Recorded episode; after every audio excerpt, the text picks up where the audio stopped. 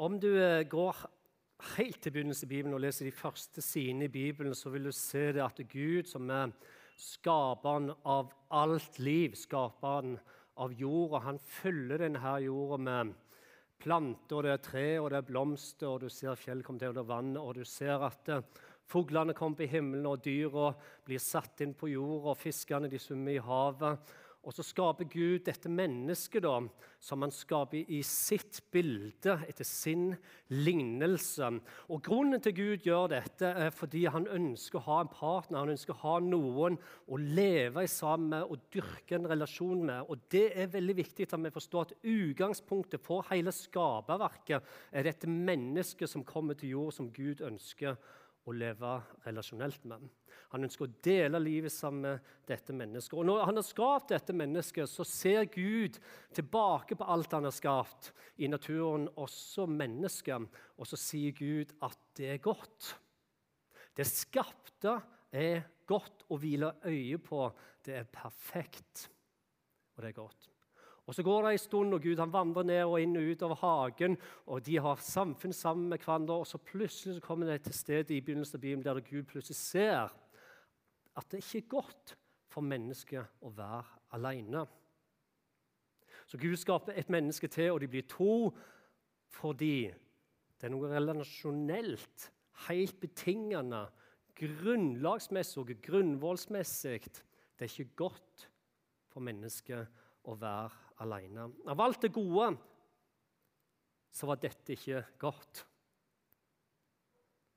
Derfor skaper Gud et menneske til, for det er ikke godt for mennesket å være alene. Og Hvorfor sier jeg dette? her?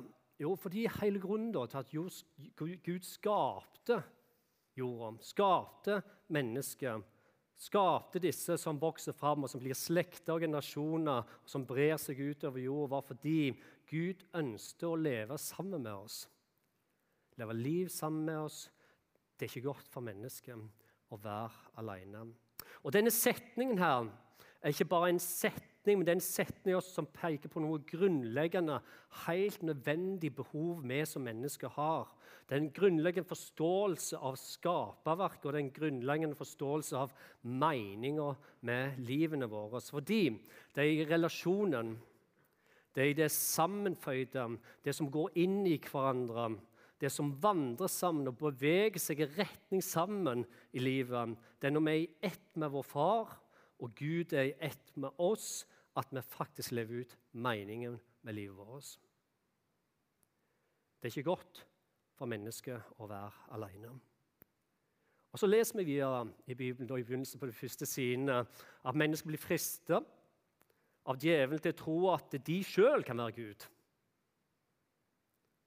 Dere kan vite hva som er ondt og hva som er godt. Hvorfor skal dere ha en Gud som sier hva som er rett og hva som er galt? Kan ikke dere finne ut av det sjøl? Så det de gjør, de setter mennesket tester Guds ord.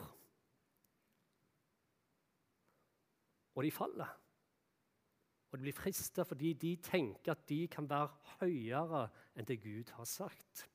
Eller i hvert fall på linje til å bestemme hva som er rett, og hva som er galt, og hva som er godt, og hva som er ond. Når synden kommer inn i verden, leser vi, og grunnlaget da, og identiteten og meninga med livet, det som Gud ga til mennesket, den relasjonen den øyelegges. Og nå var resultatet av fallet, som vi ser videre, når Gud henvender seg til Adam og Eva, er dette her. Og til mannen sa han, fordi du hørte på kvinnen og spiste av tre som vi forbød deg å spise av, er jorda forbanna for din skyld. Med strev skal du nære deg av den alle dine levedager. Og så fortsetter den. Den skal la torn og tissel spire fram for deg, og du skal spise det som vokser på marka. Med svett i ansiktet skal du spise ditt brød inntil du vender tilbake til jorda, for av den er du tatt. Av støv er du, og til støv skal du vende tilbake. Og Adam sitt liv, det kom, og Adam sitt liv, det forsvant.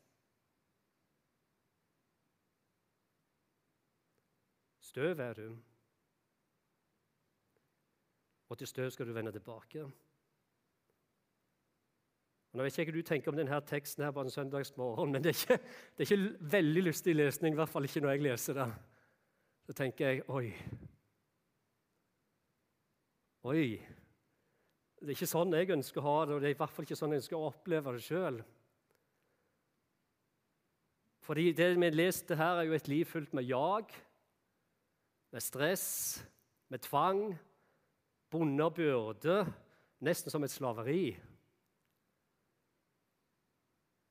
Når vi i dag skal inn i teksten som Lena leste for oss fra Matteus evangelium, så er overskriften på den teksten vi leste, 'Sønnen gir hvile'. Og Nå vet jeg ikke hva du tenker om den teksten som jeg leste, men når Jesus sier dette, 'Kom til meg, kom til meg, alle dere som strever, og som bærer tunge byrder.' Kom til meg, så vil jeg gi dere hvile. Når vi leser en tekst, i hvert fall når jeg leser teksten, vet ikke hvordan det er helt med det, men når jeg leser den teksten, så har jeg veldig fort for å tenke at dette her sannsynligvis handler om de som er slitne de som er fysisk slitne eller mentalt utslitt, eller kanskje syk eller har det vanskelig i livet. De som bærer byrder. Med må tenke at Det å streve da, det å bære på tunge byrder er rettet mot en spesiell gruppe til bestemte tider. Mens for resten av oss, da, som ikke er utslitt, eller som trenger en spesiell hvile, som ikke har møtt veggen, så gjelder ikke disse versene så mye. Da tror jeg at vi virkelig bommer, faktisk. Og mister hele poenget med hva Jesus virkelig sier i denne teksten. her. For om det er en ting jeg tenker, så, er det dette. Ja, uten tvil er denne teksten for de som er slitne og de som er utslitt, de som kjenner at livet er vanskelig og tungt nå. Uten tvil for det. Men den er også for alle oss andre. Fordi konteksten her og sammenheng her er at Jesus sier dette her til oss mennesker til alle tider og til alle steder i livet. Utgangspunktet vårt og grunnen til at Jesus måtte komme og dø for oss på et kors og så stå opp igjen, er jo fordi vi strever med livene våre. Det er fordi at vi bærer byrder som vi ikke klarer å bære sjøl. Vi tok på oss det, og vi trenger en frelser. Og det jeg nå sier her, er denne her, at denne teksten er ment for mennesker fordi alle mennesker fordi uten at Jesus får være den som bærer ham, uten at Jesus får være en del av våre liv, uten at Jesus får invitere oss og, be oss og tillate oss å gå med hans side, uten at vi velger å gå med Jesus' side, så hjelper det i grunnen ingenting. Hvor mye vi strever, eller hvor mange byrder vi bærer, det vil aldri kunne fikse det brutte relasjonen vår det som skapte avstand. Og det Jesus mer eller mindre sier her Hør, kom til meg, for det er ikke godt for mennesker å være alene. Det er ikke godt for deg å gå alene. Byrdene dine blir for tunge til slutt. Og Så legger Jesus til og sier at men jeg har en mulighet som kan hjelpe deg. Så kan vi gjenopprette det som er brutt, og det som er byrde for deg. Jeg har mulighet til å ta bort denne byrden, slik at du ikke er alene den dagen du skal møte Gud igjen, ansikt til ansikt. Og Svaret Jesus gir på dette, her, hvordan dette skal skje, dette her, ta mitt åk på dere og lær av meg. For jeg er mild og ydmyk av hjerte, så skal dere finne hvile for deres sjel. Nå er ikke jeg bonde og kommer aldri til å bli bonde. Jeg er ikke skapt til å være bonde, og mange kan takke for det. Og jeg tror det er noen kuer rundt omkring i Norges land som skal være sykt glad for at jeg ikke er bonde, for da hadde det blitt mye melkespreng. for å si det sånn. Og det hadde ikke blitt mye hjelp til de kalvene skulle ut som ikke kom ut. Det er noen som er flinke med sånne lange plastikkhansker. Det er ikke meg. for å si det sånn. Men der jeg kom ifra, ifra Jæren, da, så er det mye bondegård. Det var mye bondegård. Det var sikkert her i Lyngdal òg. Og sannsynligvis da for en del, del år tilbake så var dette med åk var ei greie de brukte. Uh, og det hva åket hva er det for noe? Det er noe som er sett over dyrenes hals. To dyr de binder de sammen, og så setter de over halsen på dem, slik at um, de skulle være med å lede hverandre. Så når bonden gikk bak, da, så styrte han disse dyra av gårde. og Så ble det dobbel kraft, og så ble det dobbel virksomhet, så ble det energien ført samme veien. Uh, de kunne lene seg på hverandre, og de kunne støtte hverandre. Var den andre ikke helt i form, så var den første i form, også motsatt. Og sånn var det. De var lenket sammen og de gjorde nøyaktig de samme bevegelsene. De fikk mer kraft. Men hva vil det si når Jesus snakker om å ta på hans åk? Hva betyr det når Jesus sier 'ta på mitt åk og lær meg, for jeg er mild og ydmyk av hjerte', så skal dere finne hvile for deres sjel? I vår vestlige kultur, da, sekulære samfunn, så er det kjempestor sjanse for at dette her, som Jesus sier her, utfordrer oss kanskje mer enn vi ønsker. For i utgangspunktet så høres det ikke ut som dette her bringer oss frihet. gjør det det? En frihet som vi ønsker å ha. Eller det høres jo nesten ut som Jesus heller snakker mer om å lenke seg fast og bli lenka fast tar på seg en byrde som ikke vi tenker vi har i utgangspunktet sjøl. Noe som frarøves friheten og gjør at vi må bevege oss der han beveger seg, når vi ikke vil det. Og det liker ikke den oppdaterte, intellektuelle, vanlige nordmann i et sekulært Vesten som vi lever nå i dag. Så hvordan kan det ha seg da at når Jesus snakker om løsningen og sier dette er veien til friheten, dette er veien til hvile, så må de ta på seg hans åk. La oss gå til salmene. For I Salmene 62 så skriver kong David dette. Han skriver det sånn. Bare hos deg, Gud, er min sjel stille. For ham kommer min frelse. Bare han er min kleppe og min frelse og mitt vern. Jeg skal ikke vakle. Bare hos Gud skal jeg være stille, for ham kommer mitt håp. Og Det David skriver om her, er en erfaring han har gjort sammen med Gud over tid. Gud har vandra sammen med David. David har vandra sammen med Gud over lang, lang tid. Og han har innsett og han erkjenner at i seg sjøl så har han ikke det som skal til for å få til den friheten og den hvilen han trenger for sitt liv. Derfor sier han, 'Bare hos deg, Gud, er min sjel stille.' Fordi jeg har ikke i meg dette her sjøl. Jeg klarer ikke å produsere den hvilen sjøl. Derfor sier han, 'Min frelse kommer for ham', fordi det, du er min eneste mulighet. Jeg klarer ikke å frelse meg sjøl. Og Derfor sier han, du er min klippe, og du er min frelse, fordi jeg kjenner meg så sjøl så altfor godt. Og jeg trenger noe som er stødig, noe som er fast i mitt liv. Noe som jeg kan lene meg inntil, slik at jeg ikke skal vakle av gårde.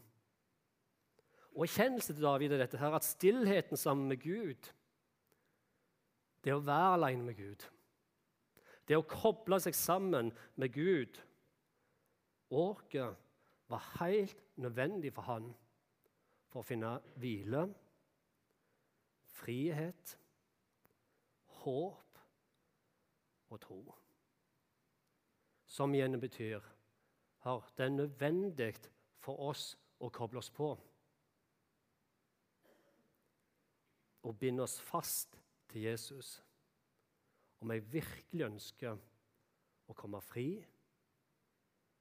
å finne hvile. Med andre ord, relasjonen, det samfatte, det som går inn i hverandre, er helt nødvendig. Fordi det å være alene uten vennskap og hvile, det holder ikke. Det holder ikke et langt liv.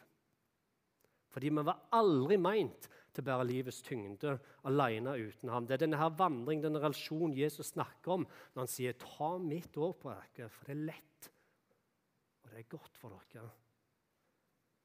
Fordi Det er ikke godt for mennesker å være alene. Det er ikke godt for mennesker å gå med bære tyngden av livet alene. Det er ikke godt for mennesker å være alene den dagen vi skal møte Gud ansikt til ansikt. Om du går litt lenger fram i Matteus evangelium, når du kommer til det 23. kapittel, eller 23. kapittelet, så vil du se at Jesus der tar et skikkelig oppgjør med de skriftlærde og de fariserene. Og Hvis du leser det Jesus sier, så må du bare forstå at nå er ikke Jesus mild. Nå er han ganske hard, altså. Og han er tøff. Og jeg ser for meg at de ordene kommer ganske høyt ut. Og Det han i korte ord sier her i, i, i Matteus 23, er dette her, at alt det de holder på med, skriftlærfariseerne, er en religion som bare bringer med seg stress og byrder for folket. Som de sjøl ikke har mulighet til å holde engang. Med andre ord, De legger over på andre mennesker byrder som fører til slaveri og avstand fra Gud, og ikke et vennskap og den relasjonen som Gud ønsker å ha sammen med dem. Og Jesus han aksepterer det ikke. Han bruker ord som 'dere hyklere'. Han sier 'blinde veiledere'. Dere dårer, dere slamma yngel. Dere ligner kvikalkede graver som på utsida ser vakre ut, men på innsida full av dødningbein. Det er ganske heftig. Det er kraftige ord, og det er kraftige skyts. Og hvorfor er det det? Fordi dette her er motsetningen av den relasjonen Gud søkte mennesket til. Dette er religion. Slaveri bann og byrde. Fordi de opprettholdt det brutte, det ødelagte, avstanden og byrdene og lenkene. Slaveri og tyngden som var umulig å bære for oss mennesker. Jesus aksepterte det ikke, han var knallhard med dem. Og Det er også grunnen til at han flere steder blir også nevnt som toller og synders venn Jesus. Hvorfor? Fordi det han inviterte oss til å bære oss sammen, handler om at du skal få komme fri. Du skal slippe å bære byrde. Du skal slippe å gå rundt og tenke at du ikke er god nok. Hvis du går sammen med meg, så er det friheten. Så er det sann hvile. Så er det syndenes forlatelse. Hvis jeg får lov til å lede deg og disippelgjøre deg, så skal jeg vise deg hvem Gud virkelig er. Og han er ikke sånn som fariseerne skriftlærde sier. Du kommer fri. C.S. Lewis, som den dag da betegnes som en av de største tenkerne som har levd, han skrev en gang sånn som dette her. Når det gjelder djevelen, så kan menneskeslekten gjøre to feil som er like store, selv om de er dimentralt motsatte. Den ene er at man ikke tror på deres eksistens. Og den andre feilen vi gjør, at vi tror på den og nærer en overdreven og usunn interesse for dem. Sjøl er de like fornøyd med begge feilene å hilse en materialist og en djevelbesverger med samme glede.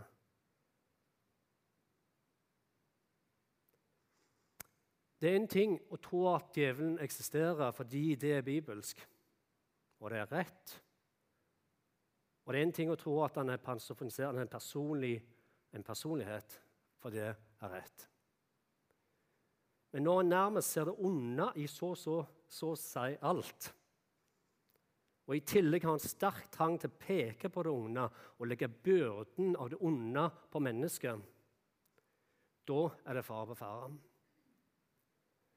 Da er jeg redd for at vi bli forblinda og gå i æren for det som ikke er godt. Artisten Sied O'Connor Eller hva er det det hun heter? Shane O'Connor? Ja, nå sto det helt stille. Hva heter hun? Ah, sorry. Det er ikke Elvis, iallfall. Men hun sa i et intervju en gang det sto bare helt stille, at som rase Som raser, så føler vi oss tomme. Vi snakker om mennesker. Det er fordi vår åndelighet er visket bort, og vi vet ikke hvordan vi skal uttrykke oss. Resultatet er at vi blir drevet til å fylle tomrommet med alkohol og med rus, sex eller penger. Folk der ute sier jo de skriker etter sannheten. Vi har nettopp vært gjennom en pandemi, og det bildet som gjør seg gjeldende etter isolasjonen som vi har opplevd, og, de, og det er et ufordrende bilde. Fordi Det er ikke det at vi ikke tenkte og visste at de som allerede som eldre følte seg ensomme, kom til å føle seg enda mer ensomme. for det, og det var en realitet det visste. Man. Men det at det meldes om at så mange som én av tre barn eller ungdom i Norge sier at de er ensomme det, det, det, er vanskelig å ta inn over seg. For det er ikke det at det ikke, de har masse mennesker rundt seg.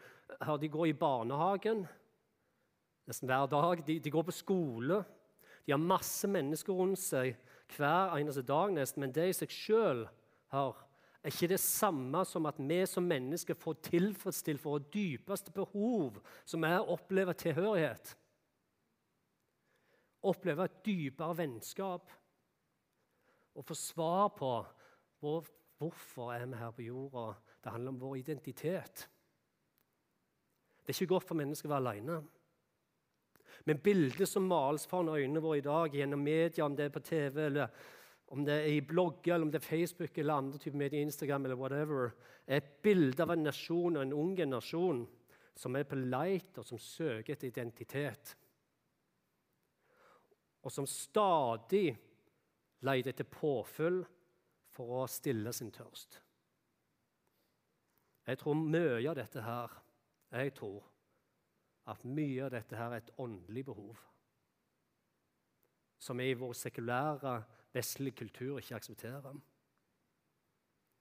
Et tomrom, en uro, en stadig jakt på trygghet i sin egen identitet. Jesus sier det sånn han sier det at han er en sånn kilde som har slukka denne tørsten. Han sier den som drikker av det vannet som jeg vil gi, skal aldri mer tørste. For det handler om å komme på rett plass.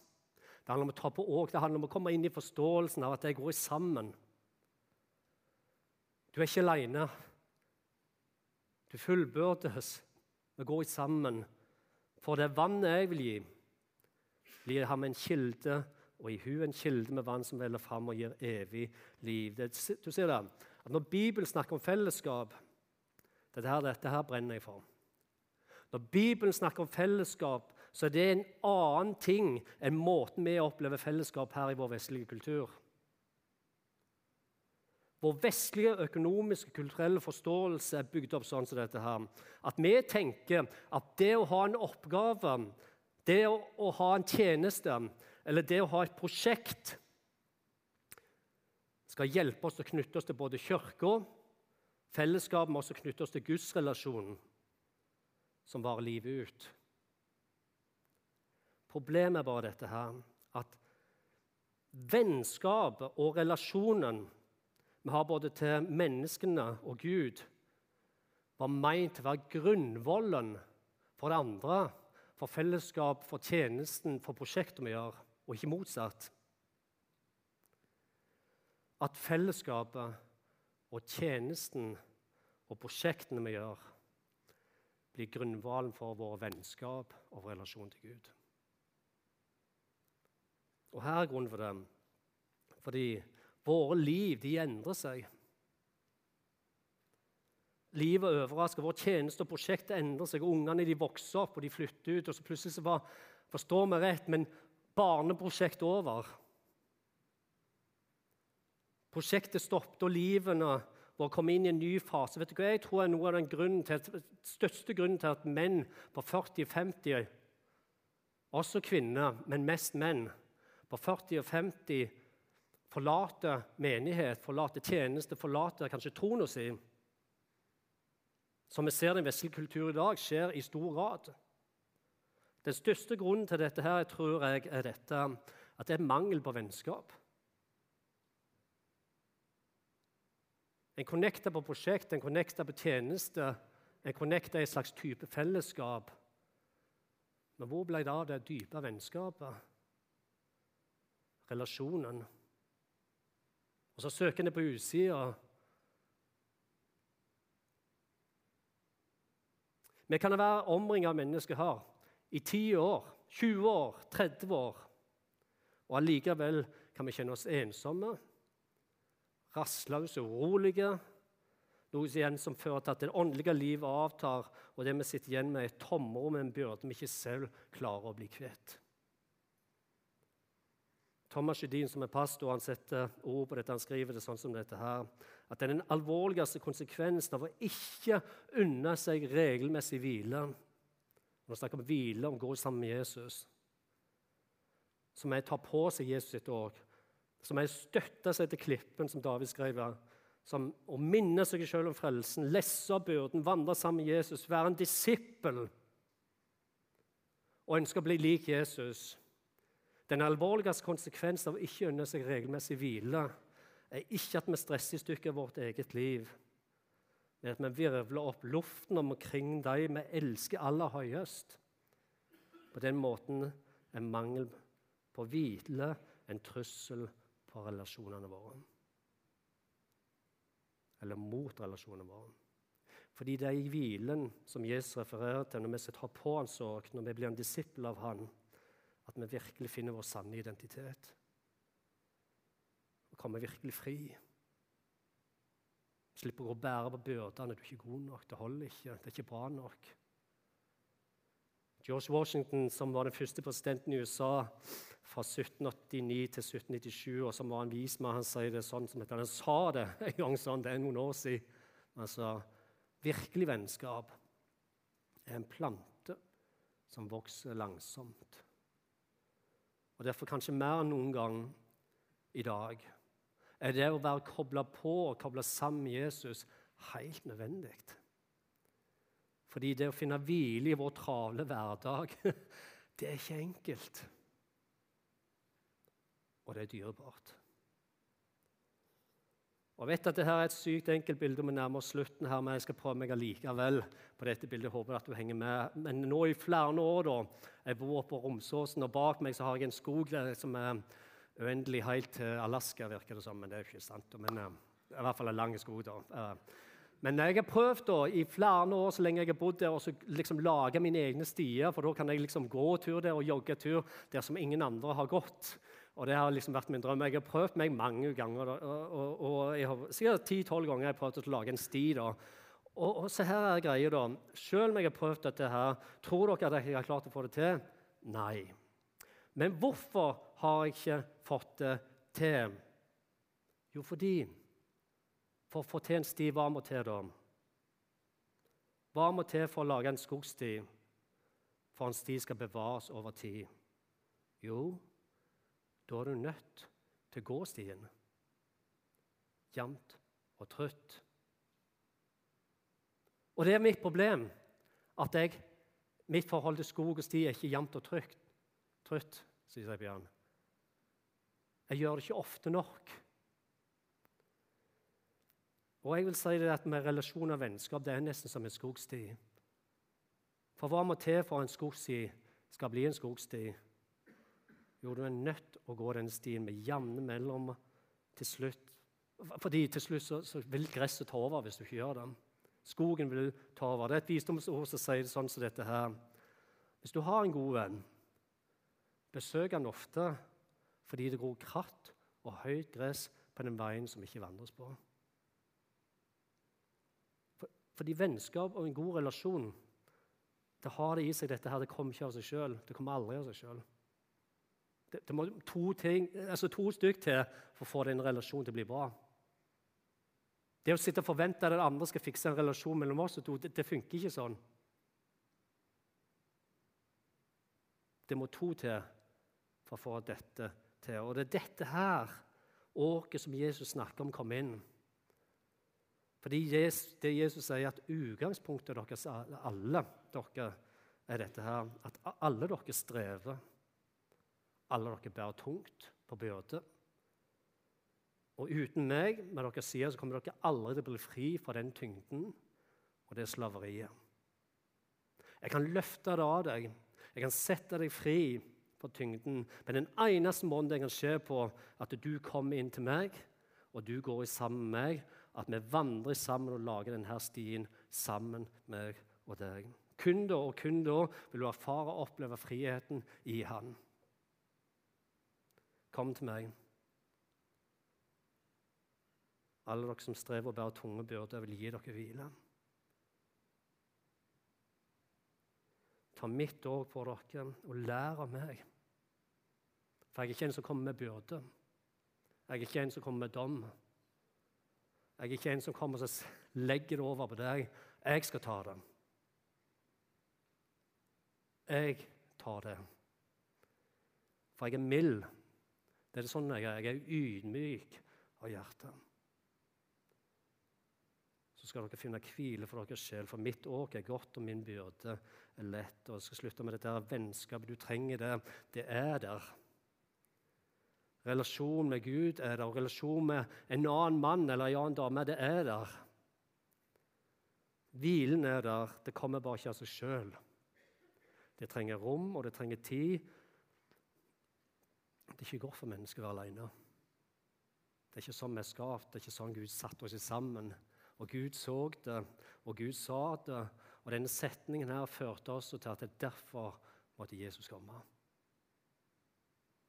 Jesus som setter oss fri, som knuser ondskapens makt, tar bort skiller, som leger og reparerer det som var ødelagt mellom Gud og oss. Derfor sier Jesus, ta på meg. Det er mitt åk, fordi min byrde er lekt. Du trenger ikke prestere sjøl. Du trenger ikke fikse det sjøl. Du trenger bare stille opp. Du trenger bare komme. Skap rom og tid sammen med Jesus. La han få lov til å lede deg i livet ditt hver eneste dag. Finn den plassen der du og han tar på dere, og dere går i sammen. Amen. amen. Til slutt skav dere en sti i sammen med Jesus. Skav dere en sti sammen med Jesus. Skal vi be sammen helt til slutt. Takk, gode Jesus, for mulighetene du gir oss til å komme tilbake og være sammen med deg. Akkurat der som er i livet, med de byrdene og det strevet og det stresset som vi bærer med oss. Kanskje det er travelhet, kanskje det er barn, kanskje det er jobben, eller kanskje det er ekteskap, eller kanskje det er økonomien. Herre. Kanskje det er sykdom. Du vet det her, og du ser det, og dette visste du før vi kom. Men allikevel så, så er det som et vennskap. At det fins ikke tvang, og det fins ikke den byrden. Vi må velge å komme sjøl. Vi må velge å komme sjøl. Takk, gode Jesus, for hvilen du gir, friheten fra syndens slaveri og tomrommet vårt du fyller med din ånd, Herre. Jeg ber for den enkelte av oss, Herre. For det at du kjenner oss, du vet om oss. Jeg ber for den enkelte av oss. La oss søke deg som kilden, Herre. La oss få det vennskapet vi trenger deg, men også med mennesker vi har rundt oss, Herre. Som vi så sårt trenger, Herre. La det være sånn med oss, Herre, at vi finner den kilden slik at vi aldri tørster, Herre. Derfor du kommer med evig liv, og derfor du kaller oss til å koble oss på. Derfor du kaller oss til å være dine disipler, Herre, slik at vi kan få lære at du er god. Du er mild, og du er ydmyk av hjerte, Herre. Du ønsker bare det beste for vår liv, Herre. Takk, Herre, for avstanden fins ikke lenger da. Da er det ingenting som er ødelagt. Da er det en sti, Herre, som vi går sammen, som fører helt inn til evigheten. Til samfunnet, til relasjonen med Gud, vår Far, i all evighet. Ber vi for den dagen, ber for den uka og ber for den enkelte av oss her. Du ser hva vi står i. Vi bare ber om du må fortsette å velsigne og jobbe med oss, Herre. Vi ber om det i Jesu Kristi navn. Amen.